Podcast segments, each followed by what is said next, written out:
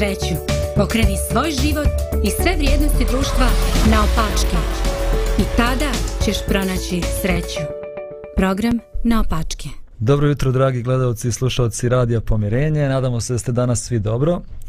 Danas emisiju posvećujemo nekim nevjerovatnim uspjesima naših sportista. To su dva džokera, Novak Đoković i Nikola Jokić, koji su prethodna dva dana uradili nešto što niko nije mogao ni da zamisli.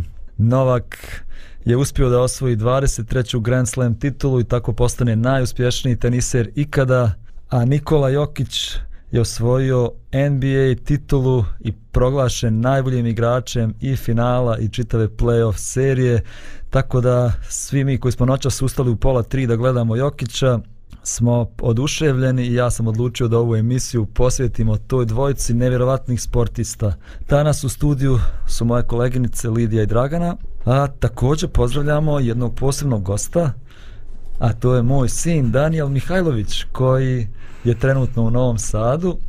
Ja sam pokušavao da skupim jednu sportsku ekipu, neke moje kolege basketaše, međutim nismo uspjeli da ih uključimo u studio, ali zato je tu Daniel koji od malih nogu prati sport s tatom je gledao sve utakmice. Sjećam se prošle godine kad je bio NBA playoff on pa on cijeli mjesec nije ni spavao uopšte. On je svaku noć gledao NBA utakmice. Ovaj, tako da Dani i ja smo još prije neke četiri godine ja mislim možda čak i više pokrenuli jedan blog koji se zvao Jokić Zone A imali smo tu ideju da pišemo neke tako članke o Jokiću, a on još tad nije bio ni MVP, ni najbolji igrač, ali eto mi smo ga prepoznali. Još tada. Tako Dani, nadam se da si ti bar malo odspavao posle utakmice. I nadam se da ćemo te čuti jesam. sad. A, tu je mm. Dani, pozdravljamo te. Ćao, čao. Dobro jutro svima. Dobro. Pa ajde, evo ovako, možemo da počnemo priču prvo o Jokiću. Nikoli Jokiću mi smo već jednom pričali malo o njemu, Dragana imala malo temu o Jokiću, ali evo sad ćemo malo da posvetimo više pažnje Nikoli Jokiću, koji je evo upravo jutro proglašen za najboljeg, najboljeg igrača finala, play-offa, pa dobio sve moguće nagrade, prethodne dve godine bio MVP, ali nije to sve tako počelo u njegovom životu. Znači, kad je Nikola bio dijete, uh, bio je jako bucmast, volio je, kažu da je pio 3 litre Coca-Cola.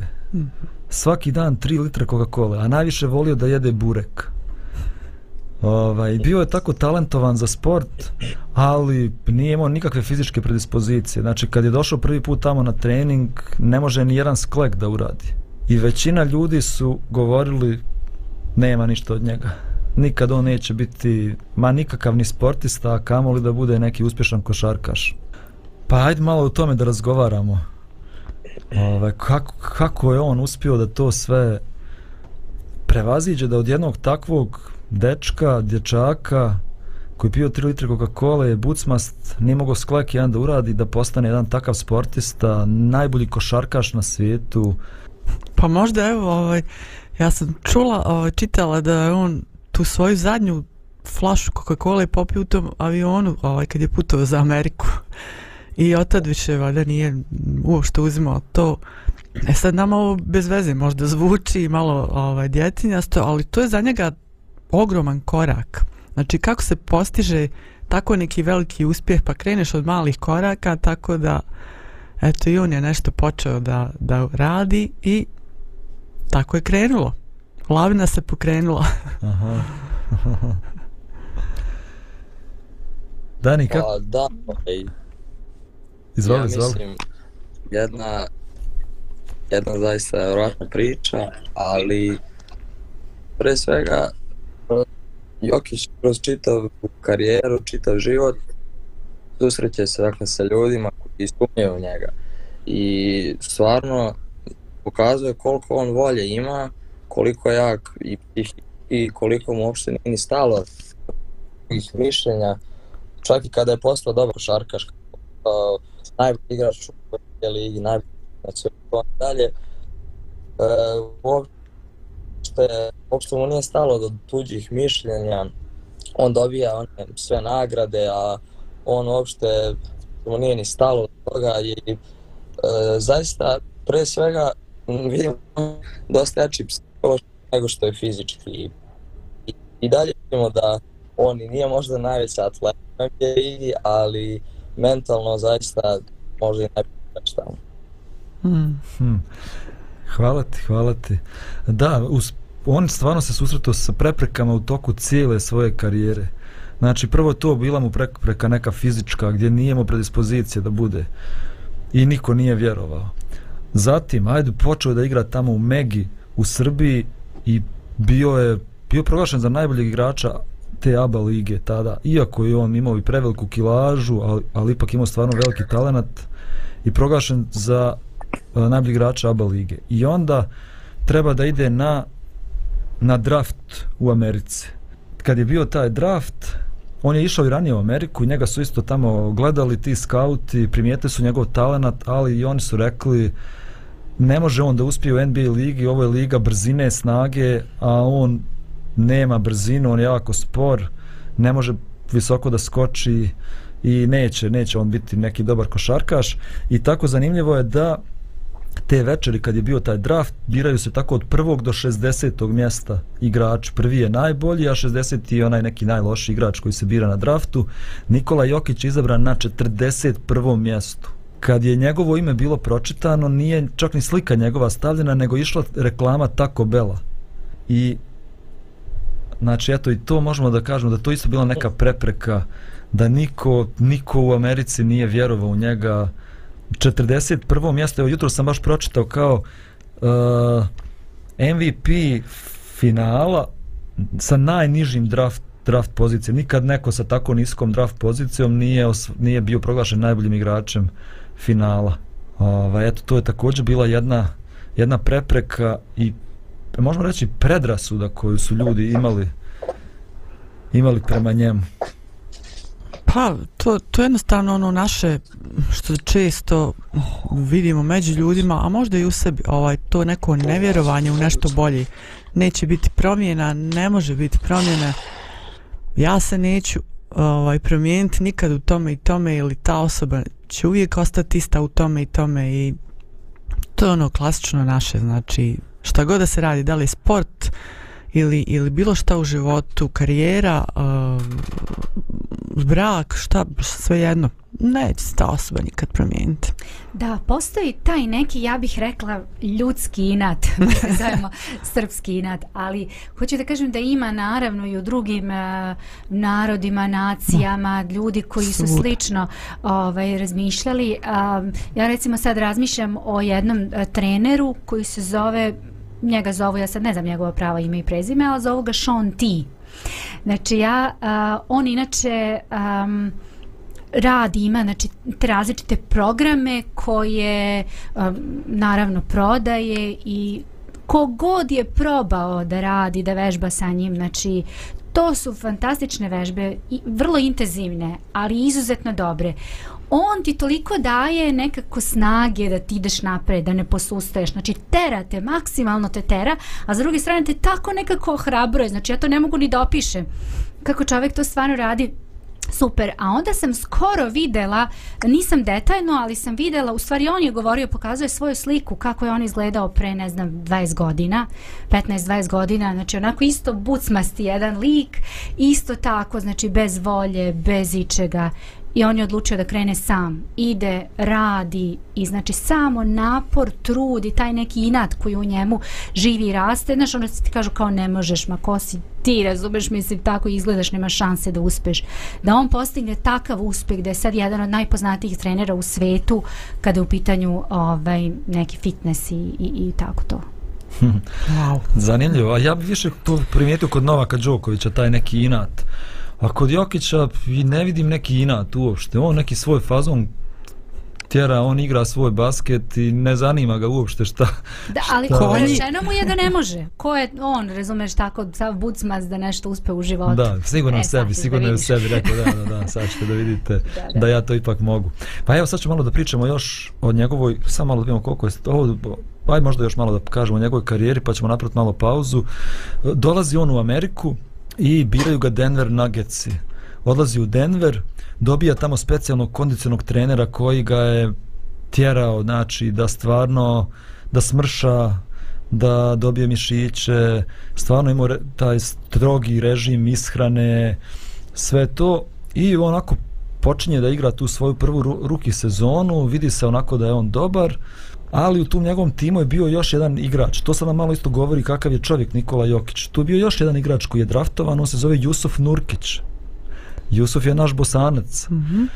I on je bio na većoj poziciji nego Jokić i smatralo se da je on možda i bolji talenat nego Jokić i Jusuf Nurkić i Nikola su igrali zajedno.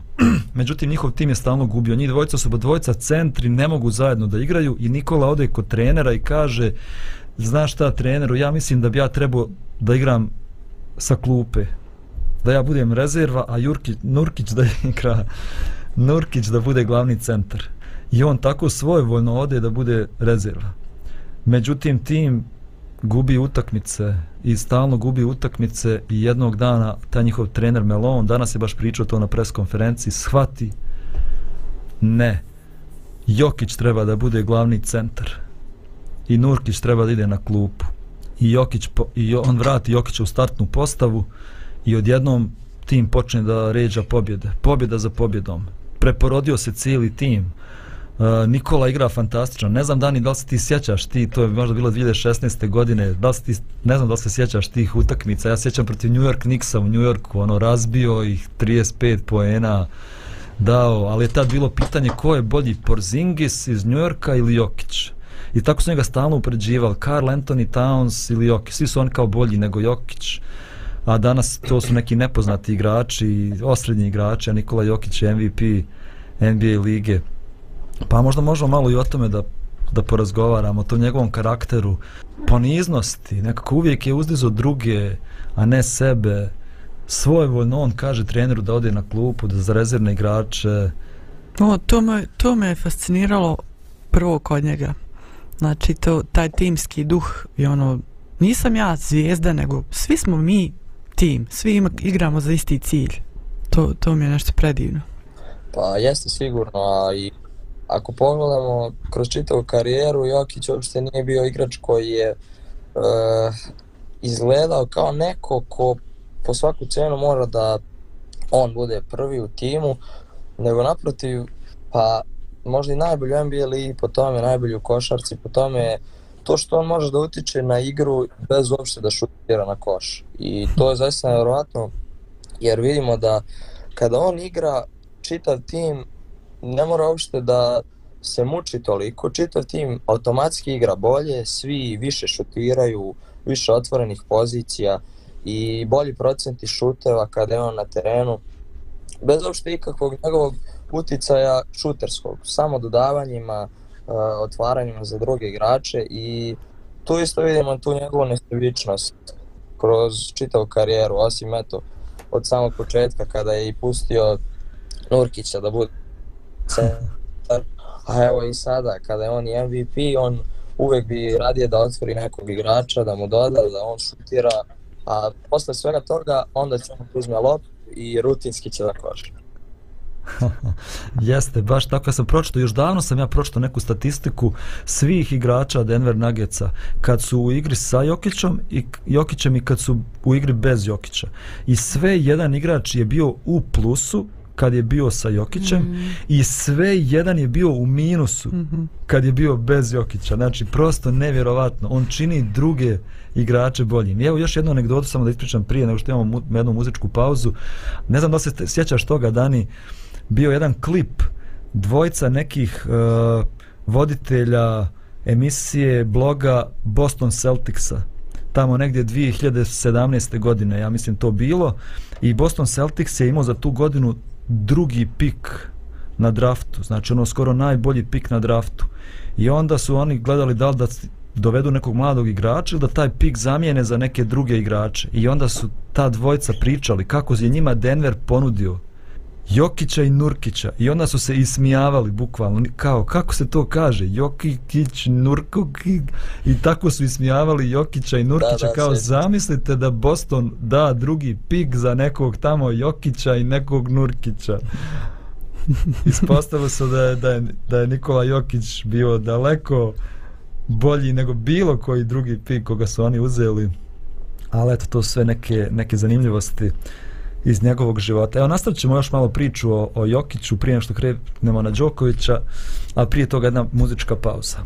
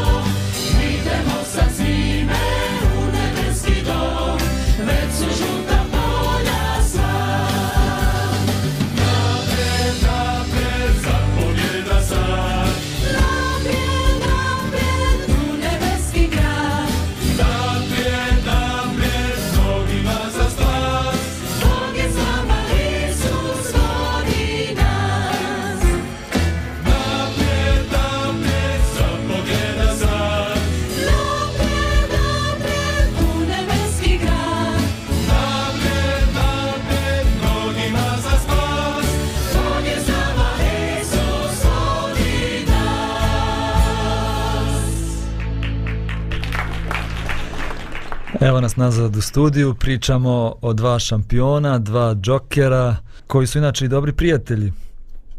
Uh, jutros smo, nadam se, mnogi mi koji volimo sport, uživali da gledamo Jokića, jedna nevjerovatna priča dječaka koji nije obećavao, koji je bio Bucko, a danas je najbolji košarkaš svijeta. Pa evo malo da nastavimo tu njegovu košarkašku istoriju. Dani, ti se toga vjerojatno sjećaš. Denver Nuggetsi su draftovali i Jamal Mareja i pa onako Jamal Murray je isto bio jako perspektivan igrač i to je bilo ja mislim 2018. godine ili 17. ne znam tačno borili su se da uđu u playoff pošto dugo godina Denver nije igrao u playoffu i na kraju borili su se sa Minnesota. Sa Minnesota, jeste, viš, ti se sjećaš Jimmy Butler je igrao u Minnesota, a danas su igrali protiv njih u Majamiju. I uglavnom Denver je trebao da pobjedi skoro sve utakmice do kraja. I oni su stvarno pobježivali sve utakmice do kraja i došla je zadnja utakmica, 82. utakmica. Odlaze u Minnesota i trebaju da pobjede da bi išli u play-off. Kogod pobjedi na toj utakmici ulazi u play-off, ko izgubi ispada. I bila je fantastična utakmica. Ne znam da smo zajedno gledali, Dani.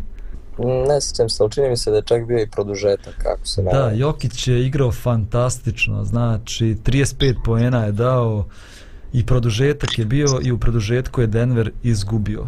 I tako su tu bili jako razočarani, doživjeli su poraz, nisu otišli u play-off, pa sad hoćemo malo da pričamo o tome koliko su porazi važni da bismo bili uspješni. A, sljedeće godine su došli u play-off i mislim prvu rundu su dobili, u drugoj rundu su, su igrali protiv Portlanda. I serija je bila dugačka, igralo se čak do sedme utakmice. U jednoj utakmici Jokić, eto, koji je bio nekada Bucko, je odigrao nekih rekordnih 60 minuta. Bilo je, ja mislim, tri produžetka u toj... 62. 62 minute ovaj, bez pauze je igrao, znači nije ga izvodio trener uopšte. Ovaj, znači puno je popravio svoju fizičku spremu, međutim u toj sedmoj utakmici Denver je igrao na svom terenu, igrali su fantastično, vodili su na poluvremenu 20 razlike i onda su u četvrtoj četvrtini totalno pali. Svi su pali i Jokić je pao, Jokić je promašio neki pet šuteva ovaj, u toj četvrtoj četvrtini i onda su i izgubili su tu i ispali su iz play-offa. I to je na neki način bila i neka prekretnica za Jokića da je shvatio da, da nema improvizacije, da moraš da budeš spreman za 40 minuta za, za svakom meču, da budeš spreman da za zadnje minute ovaj, imaš svježinu i da možeš da igraš i tada je on počeo još, ovaj, još vrijednije da trenira, još napornije da trenira, Pa je malo i o tome da pričamo. Koliko su porazi.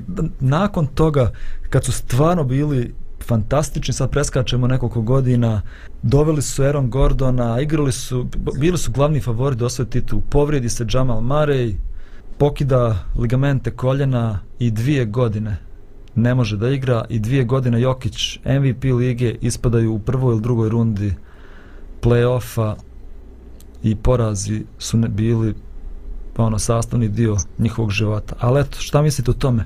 Koliko su porazi važni za neki naš razvoj i za uspjeh? Da li, može, mo, da li mož, možemo postići bilo kakvu pobjedu u života da prije toga nismo imali poraze? Ja sam što se tiče toga, mislim niko ne voli poraze. Ja, ne, ja ih ne tražim u životu, ali sam zahvalna za mnoge poraze što sam imala, zato što baš naučim lekciju i i onam, kad, kad mi ego počne da raste ko balon, onda puf, znaš, desi se neki poraz i super. I to nije neki kratki period, nego to se dešava mjesecima, da ne kažem godinama što se tiče nekih stvari, dok ja ne naučim lekciju. I meni krivo, što se to ušte dešava? Zašto ja? Zašto meni? Zašto baš to? Zašto na takav način? Ali negdje u podsvijesti shvatam, znači to je dobro za mene, a opet se ne slažem dok ne sazrem u tom i onda onda, onda stvarno sam zahvalna što, što mi je bolje nego ranije, što sam prošla kroz to svo, da kažem, mučenje pod navodnim znacima, ali to je bilo kao, kao ovaj što je vježbao, znači što ga je trener onako pritiskao, radi, radi to, smršao ono, e tako, tako i neke moje osobine trebaju da smršaju, da, da, da nestanu, a da se pojačaju neke druge stvari, neke karakter, karakterni mišići. pa jeste, a, zanimljivo je da on nije odustao, znači nije digao ruke, vratio se, ne znam, u svoju zemlju i tamo ko neki mali miš završio svoju karijeru, nego je nastavio, znači meni je to fascinantno. A, meni, meni to fali, jer ja, mislim, ko voli poraze, ali ja baš ne volim poraze. Znači, mene, mene to baš onako deprimira i onako baš se osjećam jako ružno kad, kad tako doživim. I nemam volje da ustanem i da krenem napred. Ali ovo mi je baš onako postice koliko je bitno dići se i nastaviti dalje i izgurati to, jer možda nije bio trenutak, možda svašta nešto tu može biti uključeno. Dani, su tebi porazi pomogli nekad u životu da budeš bolji futbaler, košarkaš? Pa sigurno, zato što u svakom porazu koliko više možemo da naučimo. Evo, kad smo već kod košarke, tak ni sami, ni, evo, ni Michael Jordan, koji je smatran za najbolje košarkaša ikada, draftovan 1985. prvu titulu tek je osvojio 91. godine. Dakle, to je to je 5-6 godina izuzetnog grada, napora, nekoliko poraza iz godina u godinu da bi onda osvojio šest titula, postao nevjerovatan igrač. Gledamo to i kod e, i LeBron Jamesa kad smo već kod najboljih ikada koliko je finala izgubio sam pre nego što je osvojio i prvo. I zaista u, i u svakodnevnom životu možemo i da učimo od sporta.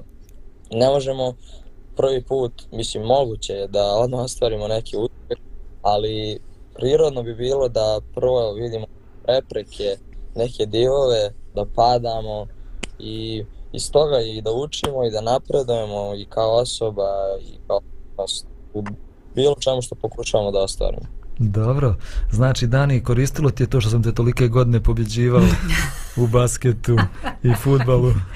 Kao nemoj više, dosta je bilo, naučio ne, sam. više ne mogu, više ne mogu, stvarno. Dani raste, U. a tata Ovaj, dobro. E, pa ajde ovako sad, evo, dosta smo toga spomenuli o Jokiću, evo možda malo i ovo sad završno da kažemo. Dva puta izabran za MVP-a lige, regularnog dijela sezone, znači najbolji igrač regularnog dijela sezone, ali još uvijek tu puno sumnji, puno kritičara. Jeste, on je fantastičan ofanzivni igrač, ali on je nula defanzivno. Denver nikad neće biti šampion s njim, on nije, kako oni kažu, rim bloker ili ne može da blokira Da. šuteve ispod koša, protector. rim protector ili tako nešto i nema šanse Denver da osvoji titulu s njim, takvim defanzivnim igračem. Ne može da brani pick and roll, tako su govorili, on je previše spor. Ovaj, I ove godine ono Denver stvarno dobro igrao. Bio čak prvi na zapadu na kraju sezone, ima najbolju poziciju za playoff, ali još uvijek njima niko ne daje šansu. Znači Denver je bio po kladionicama tek šesti tim koji može da osvoji ovaj NBA titulu.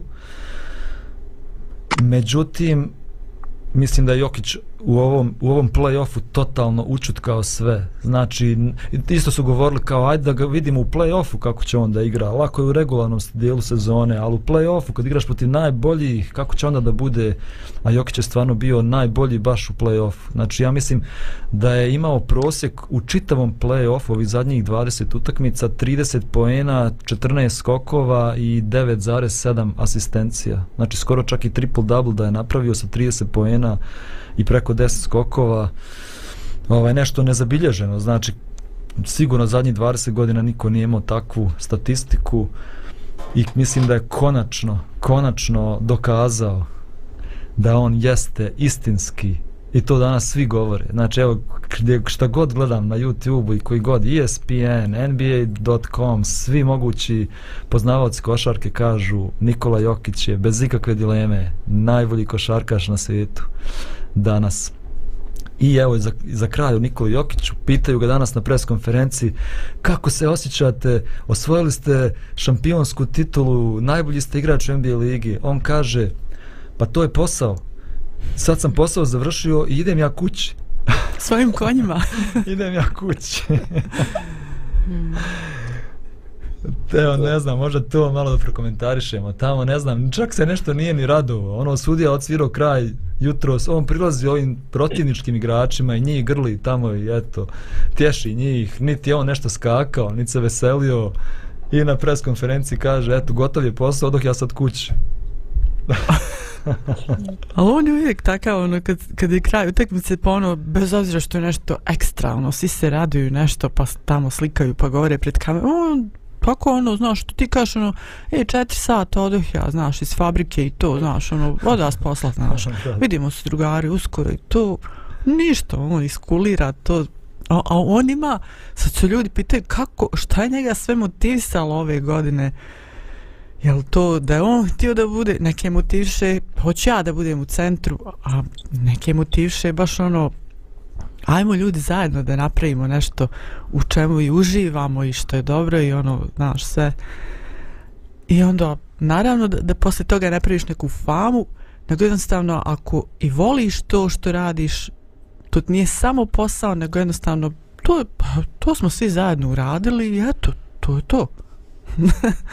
Da, meni je recimo zanimljivo bila Da. juče, kad, mislim da je juče prekiče bilo, ovaj, kad je komentarisao Đokovićev uspeh, evo malo povezujemo sad i sa Đokovićem, Aha. pa kad je ovaj, govorio o njemu, znači počeo onako da ga uzdiže i tako normalno, jer stvarno to je veliki uspeh i tako najveći uspeh u stvari.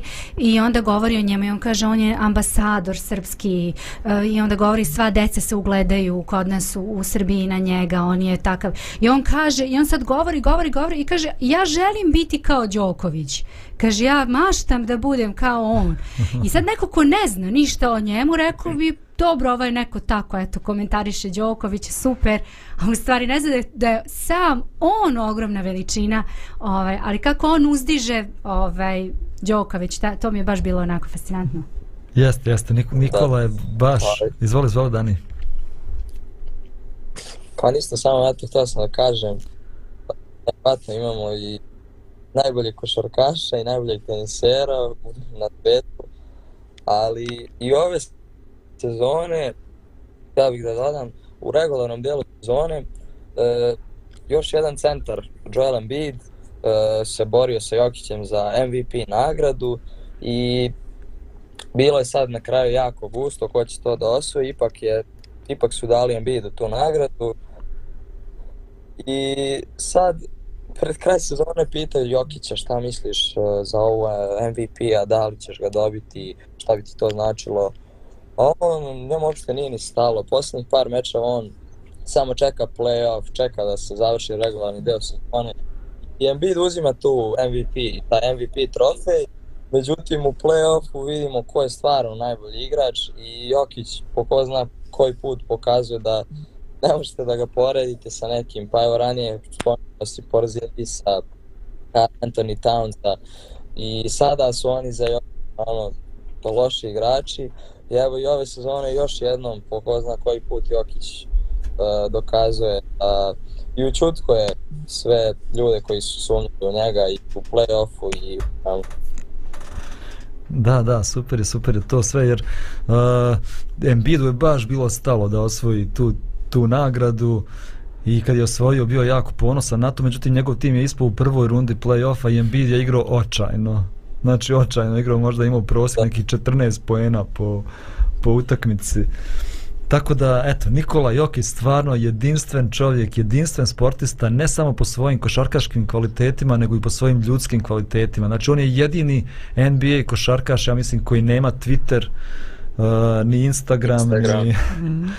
uh, ne voli pres konferencije, uh, jednostavno drugačiji zaboravili smo i to da kažemo, on je centar, ali igra na poziciji playmakera, znači nešto nezabilježeno, znači point centar, tako ga zovu tamo u Americi, nešto potpuno, potpuno jedinstven, potpuno svoj, potpuno drugačiji, jedinstveni, jedan jedini Nikola Jokić. Mi ćemo sad napraviti opet jednu malu pauzu, onda ćemo malo pričati o Novaku Đokoviću. Dani, ti ako imaš školu, možeš slobodno da ideš u školu, ako želiš da ostaneš, možeš i da ostaneš. dobro, dobro. Pozdravljamo sve. Hvala ti Dani na učešću. E, super je što si bio s nama. Ajde, čao, čao. pozdrav, čao, čao. čao.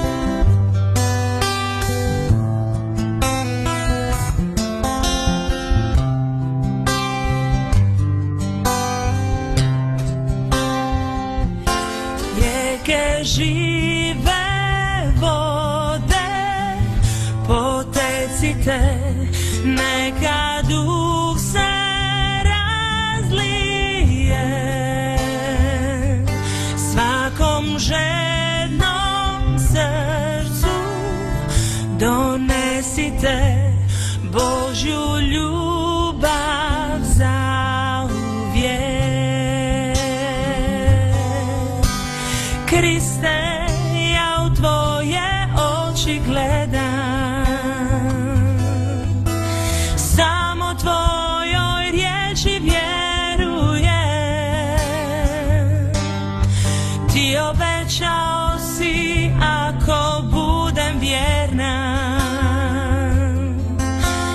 da ćeš izlit svoga duha na mene.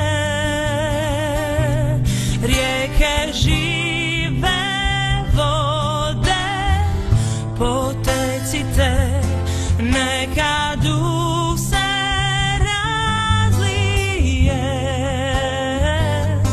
Svakom žednom srcu donesite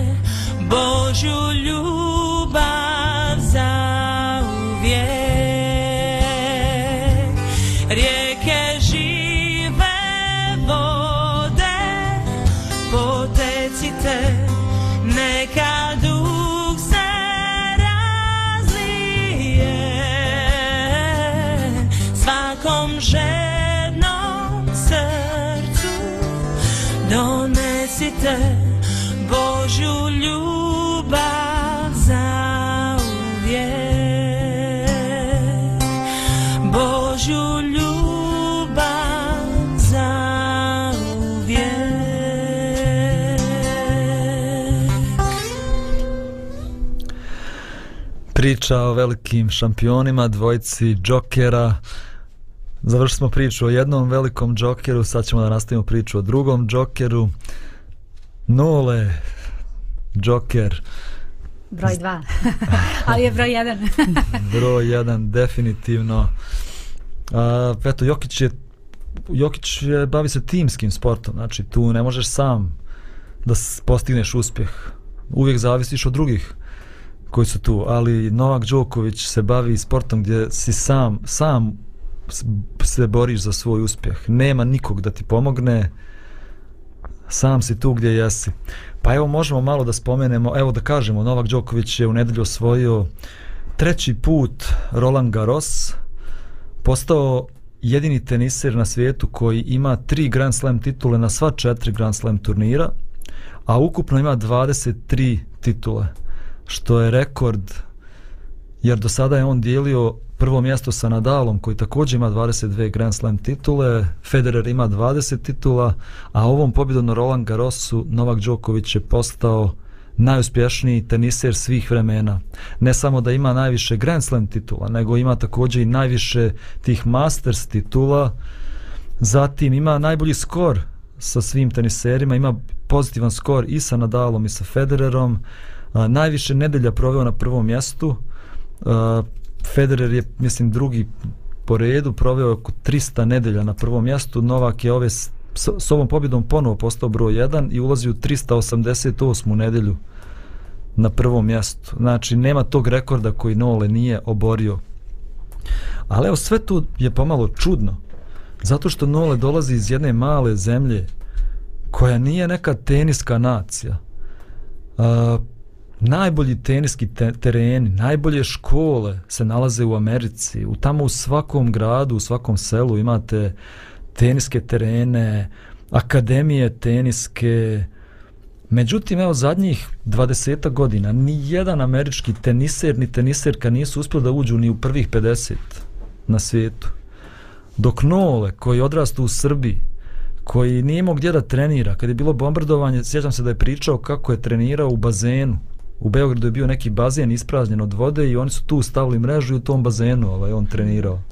Nikakve uslove, znači, nije imao. Snađi se kako možeš. A on je postao najbolji tenister svih vremena, a sva ova djeca koja treniraju u akademijama to nikad ne mogu da postignu. Pa evo ima to malo veze i sa ono što smo pričali o, i, o, i o Jokiću. Koliko teži put je u stvari nešto što ti pomaže da postigneš uspjeh. Možda, koliko je baš to što se on rodio u jednoj takvoj sredini, što nije imao uslove kakve imaju djeca u Americi, koliko je to njemu stvari pomoglo da on postane najbolji, da postane takav šampion. Šta mislite? Da li mu je to pomoglo? Pa jeste mu pomoglo. Jeste mu pomoglo. A, zašto? Zato što a, on je nekako dobro, prvo on, on je voleo tenis i šta znam, voli ga i naravno i dan danas, pa to onda nekako iz ljubavi ide i šta znam. Ali s druge strane, ta neka želja za za dokazivanjem, ne, ne ličnim njegovim, naravno i njegovim, ali želja da se nešto postigne, da se nešto uradi u njemu toliko bila jaka da, da on da je on jednostavno znači gurao, išao nije postojala prepreke za njega. Ja mislim da je cilj u stvari baš ono što, što je njega sve vreme guralo i dan danas. Da, bio je postiže. ambiciozan. Ja ne znam puno o njemu, ovaj, ali koliko vidim ono što iskoči pred mene kada sam na internetu, stekla sam utisak da je baš takva osoba ima ambiciju, ima tu jaku volju i samo tjera naprijed. Znači, ne, ne želi da on sad smrvi nekoga, nije taj tip koji će oma- omalovažavati druge, ne jednostavno gura ono svoje, vum, kao rakete. Da. Ima jedan video kad je on imao pet godina. Mhm. Ako ste gledali. I on kaže... I mi koji ne Ja ću baš. da budem svjetski broj jedan. Ja ću da budem šampion. Upravo sam se to Da, s pet godina, znači imao je neki cilj. Ali ja isto mislim, pored cilja, znači cilj je bitan da imamo neki cilj u životu, znamo šta hoćemo da postignemo u životu, ali mislim također da je bitno da imaš težak put, zato što put do ostvarenja tog uspjeha je put samoodricanja, put muke, put uh, stotinu zabrana i, i, i, i treniranja po cijeli dan i vježbanja i odricanja od mnogo čega. djeca koja su odrasla u nekim bogatim porodicama, u bogatim zemljama, oni nikad nisu naučili da se odreknu bilo čega, da se pomuče.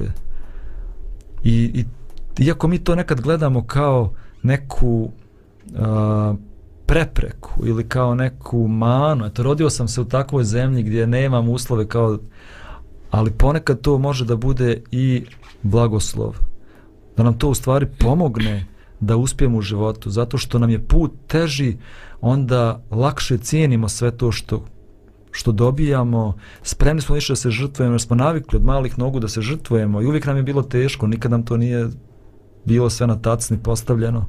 I siguran sam da je to razlog zašto Srbija, Hrvatska, Ove naše balkanske zemlje. balkanske zemlje stvaraju toliko dobrih sportista, toliko dobrih tenisera, dok recimo Amerika ne.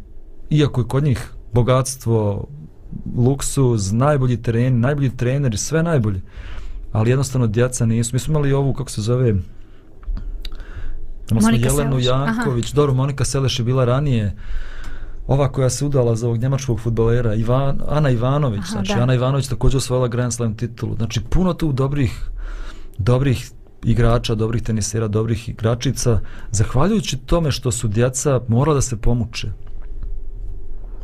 Pa mi vidimo prepreke kao nešto, kažem, što nam smeta i neke i u nekim trenucima to su nam neki divovi koji, za koje mislimo da nikad nećemo ni pobijediti, ali kad, kad prevaziđeš to, onda vidiš u stvari, pa nije to, jeste to bilo teško i ono žrtvovanje, ali nije toliko ni teško da je nemoguće.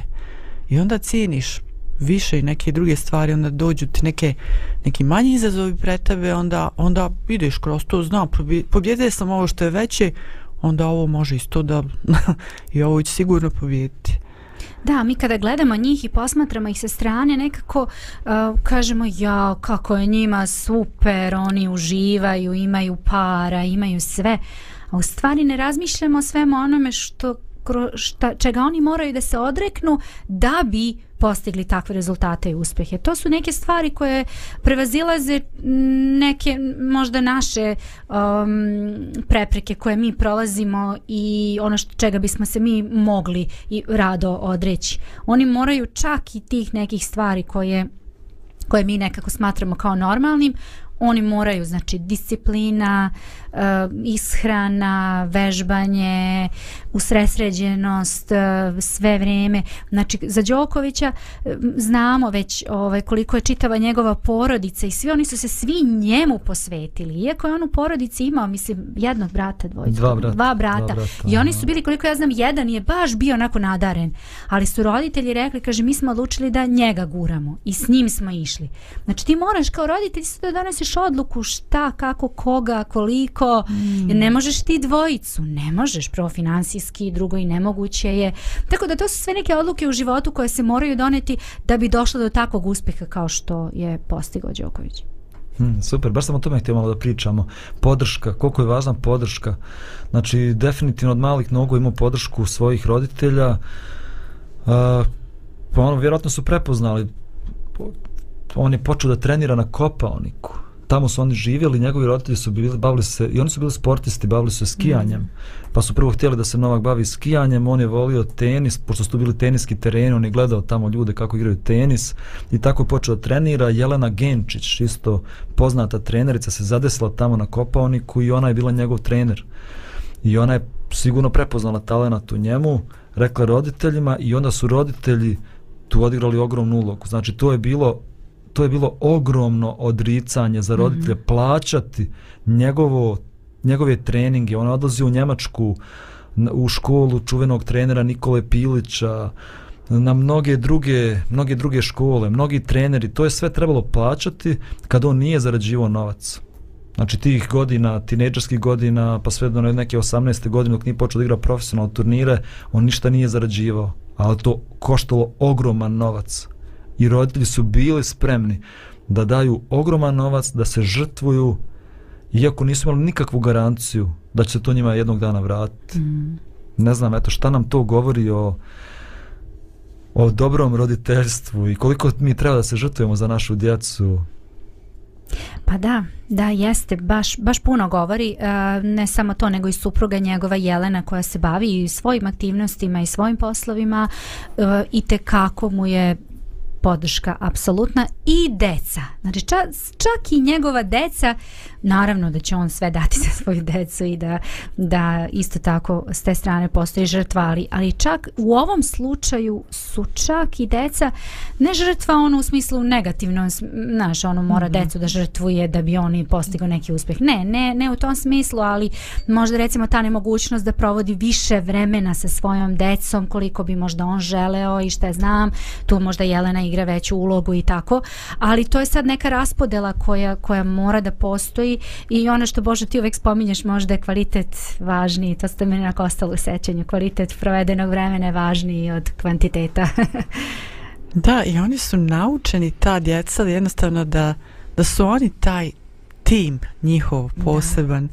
bez obzira čime se tata bavi u životu ili mama, ali da, da, su, da su oni, roditelji i djeca, povezani. Znači, u kakvim god situacijama i, i tako nečem, znači šta god naliti u životu, pozitivno i negativno, da ostanu povezani, da podržavaju jedni druge. Mm. Da, da, definitivno, znači on ima cijeli tim oko sebe, ali ja ipak smatram, lako je podržavati Novaka sada. Kad on zarađuje, kad zarađuje sigurno desetine miliona dolara svake godine i mnogo više od toga, ali ko je bio spreman da ga podržava kad ništa nije zarađivao i kad nije bilo garancije da će se to vratiti? Jedino roditelji. Mm. Oni su bili tu uz njega i tako je to u životu u principu. Roditelji bi trebali da budu oni koji se žrtvuju za svoju djecu, ne, ne gledajući neki sebični interes mm. u svemu tome. Ne, ja sam tu da se žrtvujem da bi moja djeca uspjela u životu. Tako da eto, to je možda poruka i nama roditeljima da treba da podržavamo našu djecu, da se žrtvimo za našu djecu da bi oni bili uspješni zato što niko drugi se neće žrtvovati za njih Tako je. prije da. nego što dođe uspjeh. Kad dođe uspjeh, bit će njih puno koji će aplaudirati. Da, biti da, s njima i uz njih. Jest, jest. Dobro, eto, možemo jednu muzičku pauzu pa ćemo nastaviti priču o Novaku.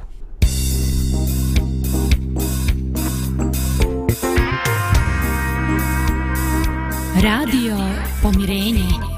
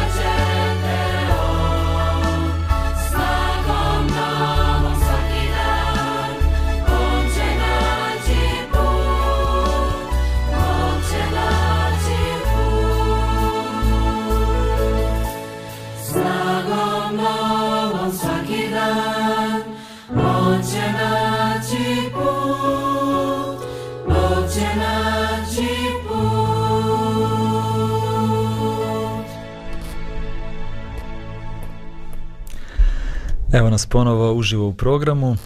Razgovaramo o dva šampiona, dva džokera. Počeli smo priču o Novaku Đokoviću u ovom drugom dijelu emisije. Pošto ovaj naš format emisije je samo sat vremena, mogli smo sigurno pričamo puno o njegovim uspjesima. Možda dve stvari još da spomenemo. Uh, od kad je počeo da igra tenis, i od kad je postao stvarno dobar igrač, osvojio svoj prvi Grand Slam turnir, ja mislim kad je imao 20 godina, uvijek je nekako bio u sjenci Federera i Nadala. Uh, njih dvojca su i stariji od njega, Federer je već bio osvojio, mislim, 15 Grand Slam titula kad je Novak tek svoju prvu osvojio. Uh, I uvijek su smatrali da je Federer najbolji teniser svih vremena, pa onda tu bio Nadal, koji je također bio onako dosta uspješniji od Novaka na početku i nekako uvijek je on išao za njima dvojicom i teže da stigne nekako njih dvojicu i mi danas znamo da ih je prestigao sve A, možda evo i tu malo da, da razgovaramo o tome šta mislite koliko je to bilo dobro za njega što je imao dvojicu boljih igrača od sebe A to je super. To je konkurencija, zdrava konkurencija. Mm, da, to se meni isto dopada. Vjerovatno mu se nije dopadalo to što mora protiv njih da igra i da gubi od njih Pa nije, naravno, da. Ali je super zato što mu je postak, post, stalno ga je posticalo da, da, da gura, da ide. Jer znaš, dobro je da imaš ispred sebe nekoga ko, ko dobro prvo što je prošao taj put, ali drugo što mu treba i ti da pregaziš ovaj, e, te koji, koji su stvarno uspešni također, znači dva fantastična, fantastična igrača. Ali ovaj, kad njih savladaš ko što je on, onda je to stvarno uspeh.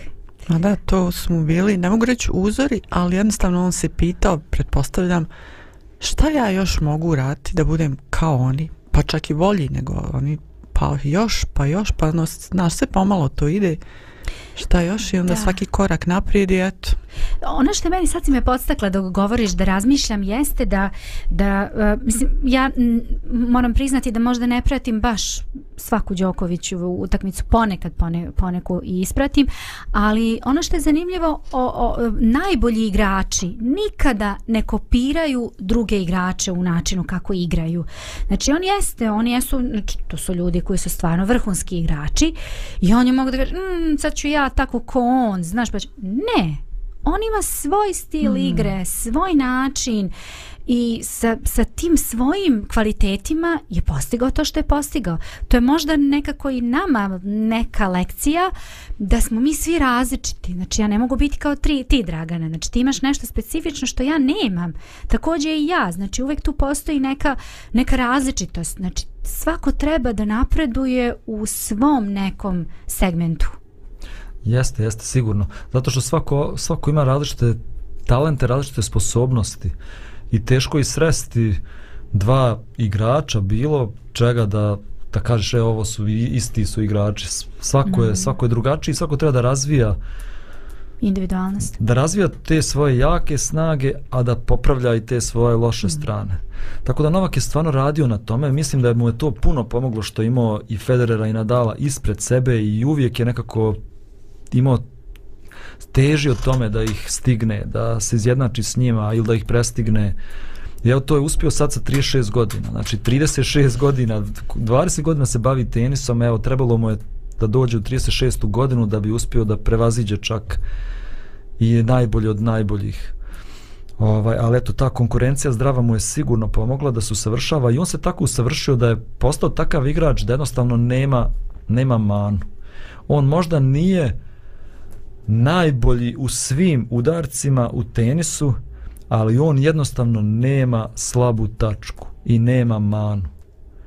I sve mečeve koje sam gledao, recimo koje on igrao sa Federerom, kod Federa isto bilo zanimljivo, on imao jako dobar servis, smeč igru, ali imao slab backend. I zbog toga je gubio sve mečeve protiv Noleta, zato što mu je Nole stalno forsirao tu backend stranu.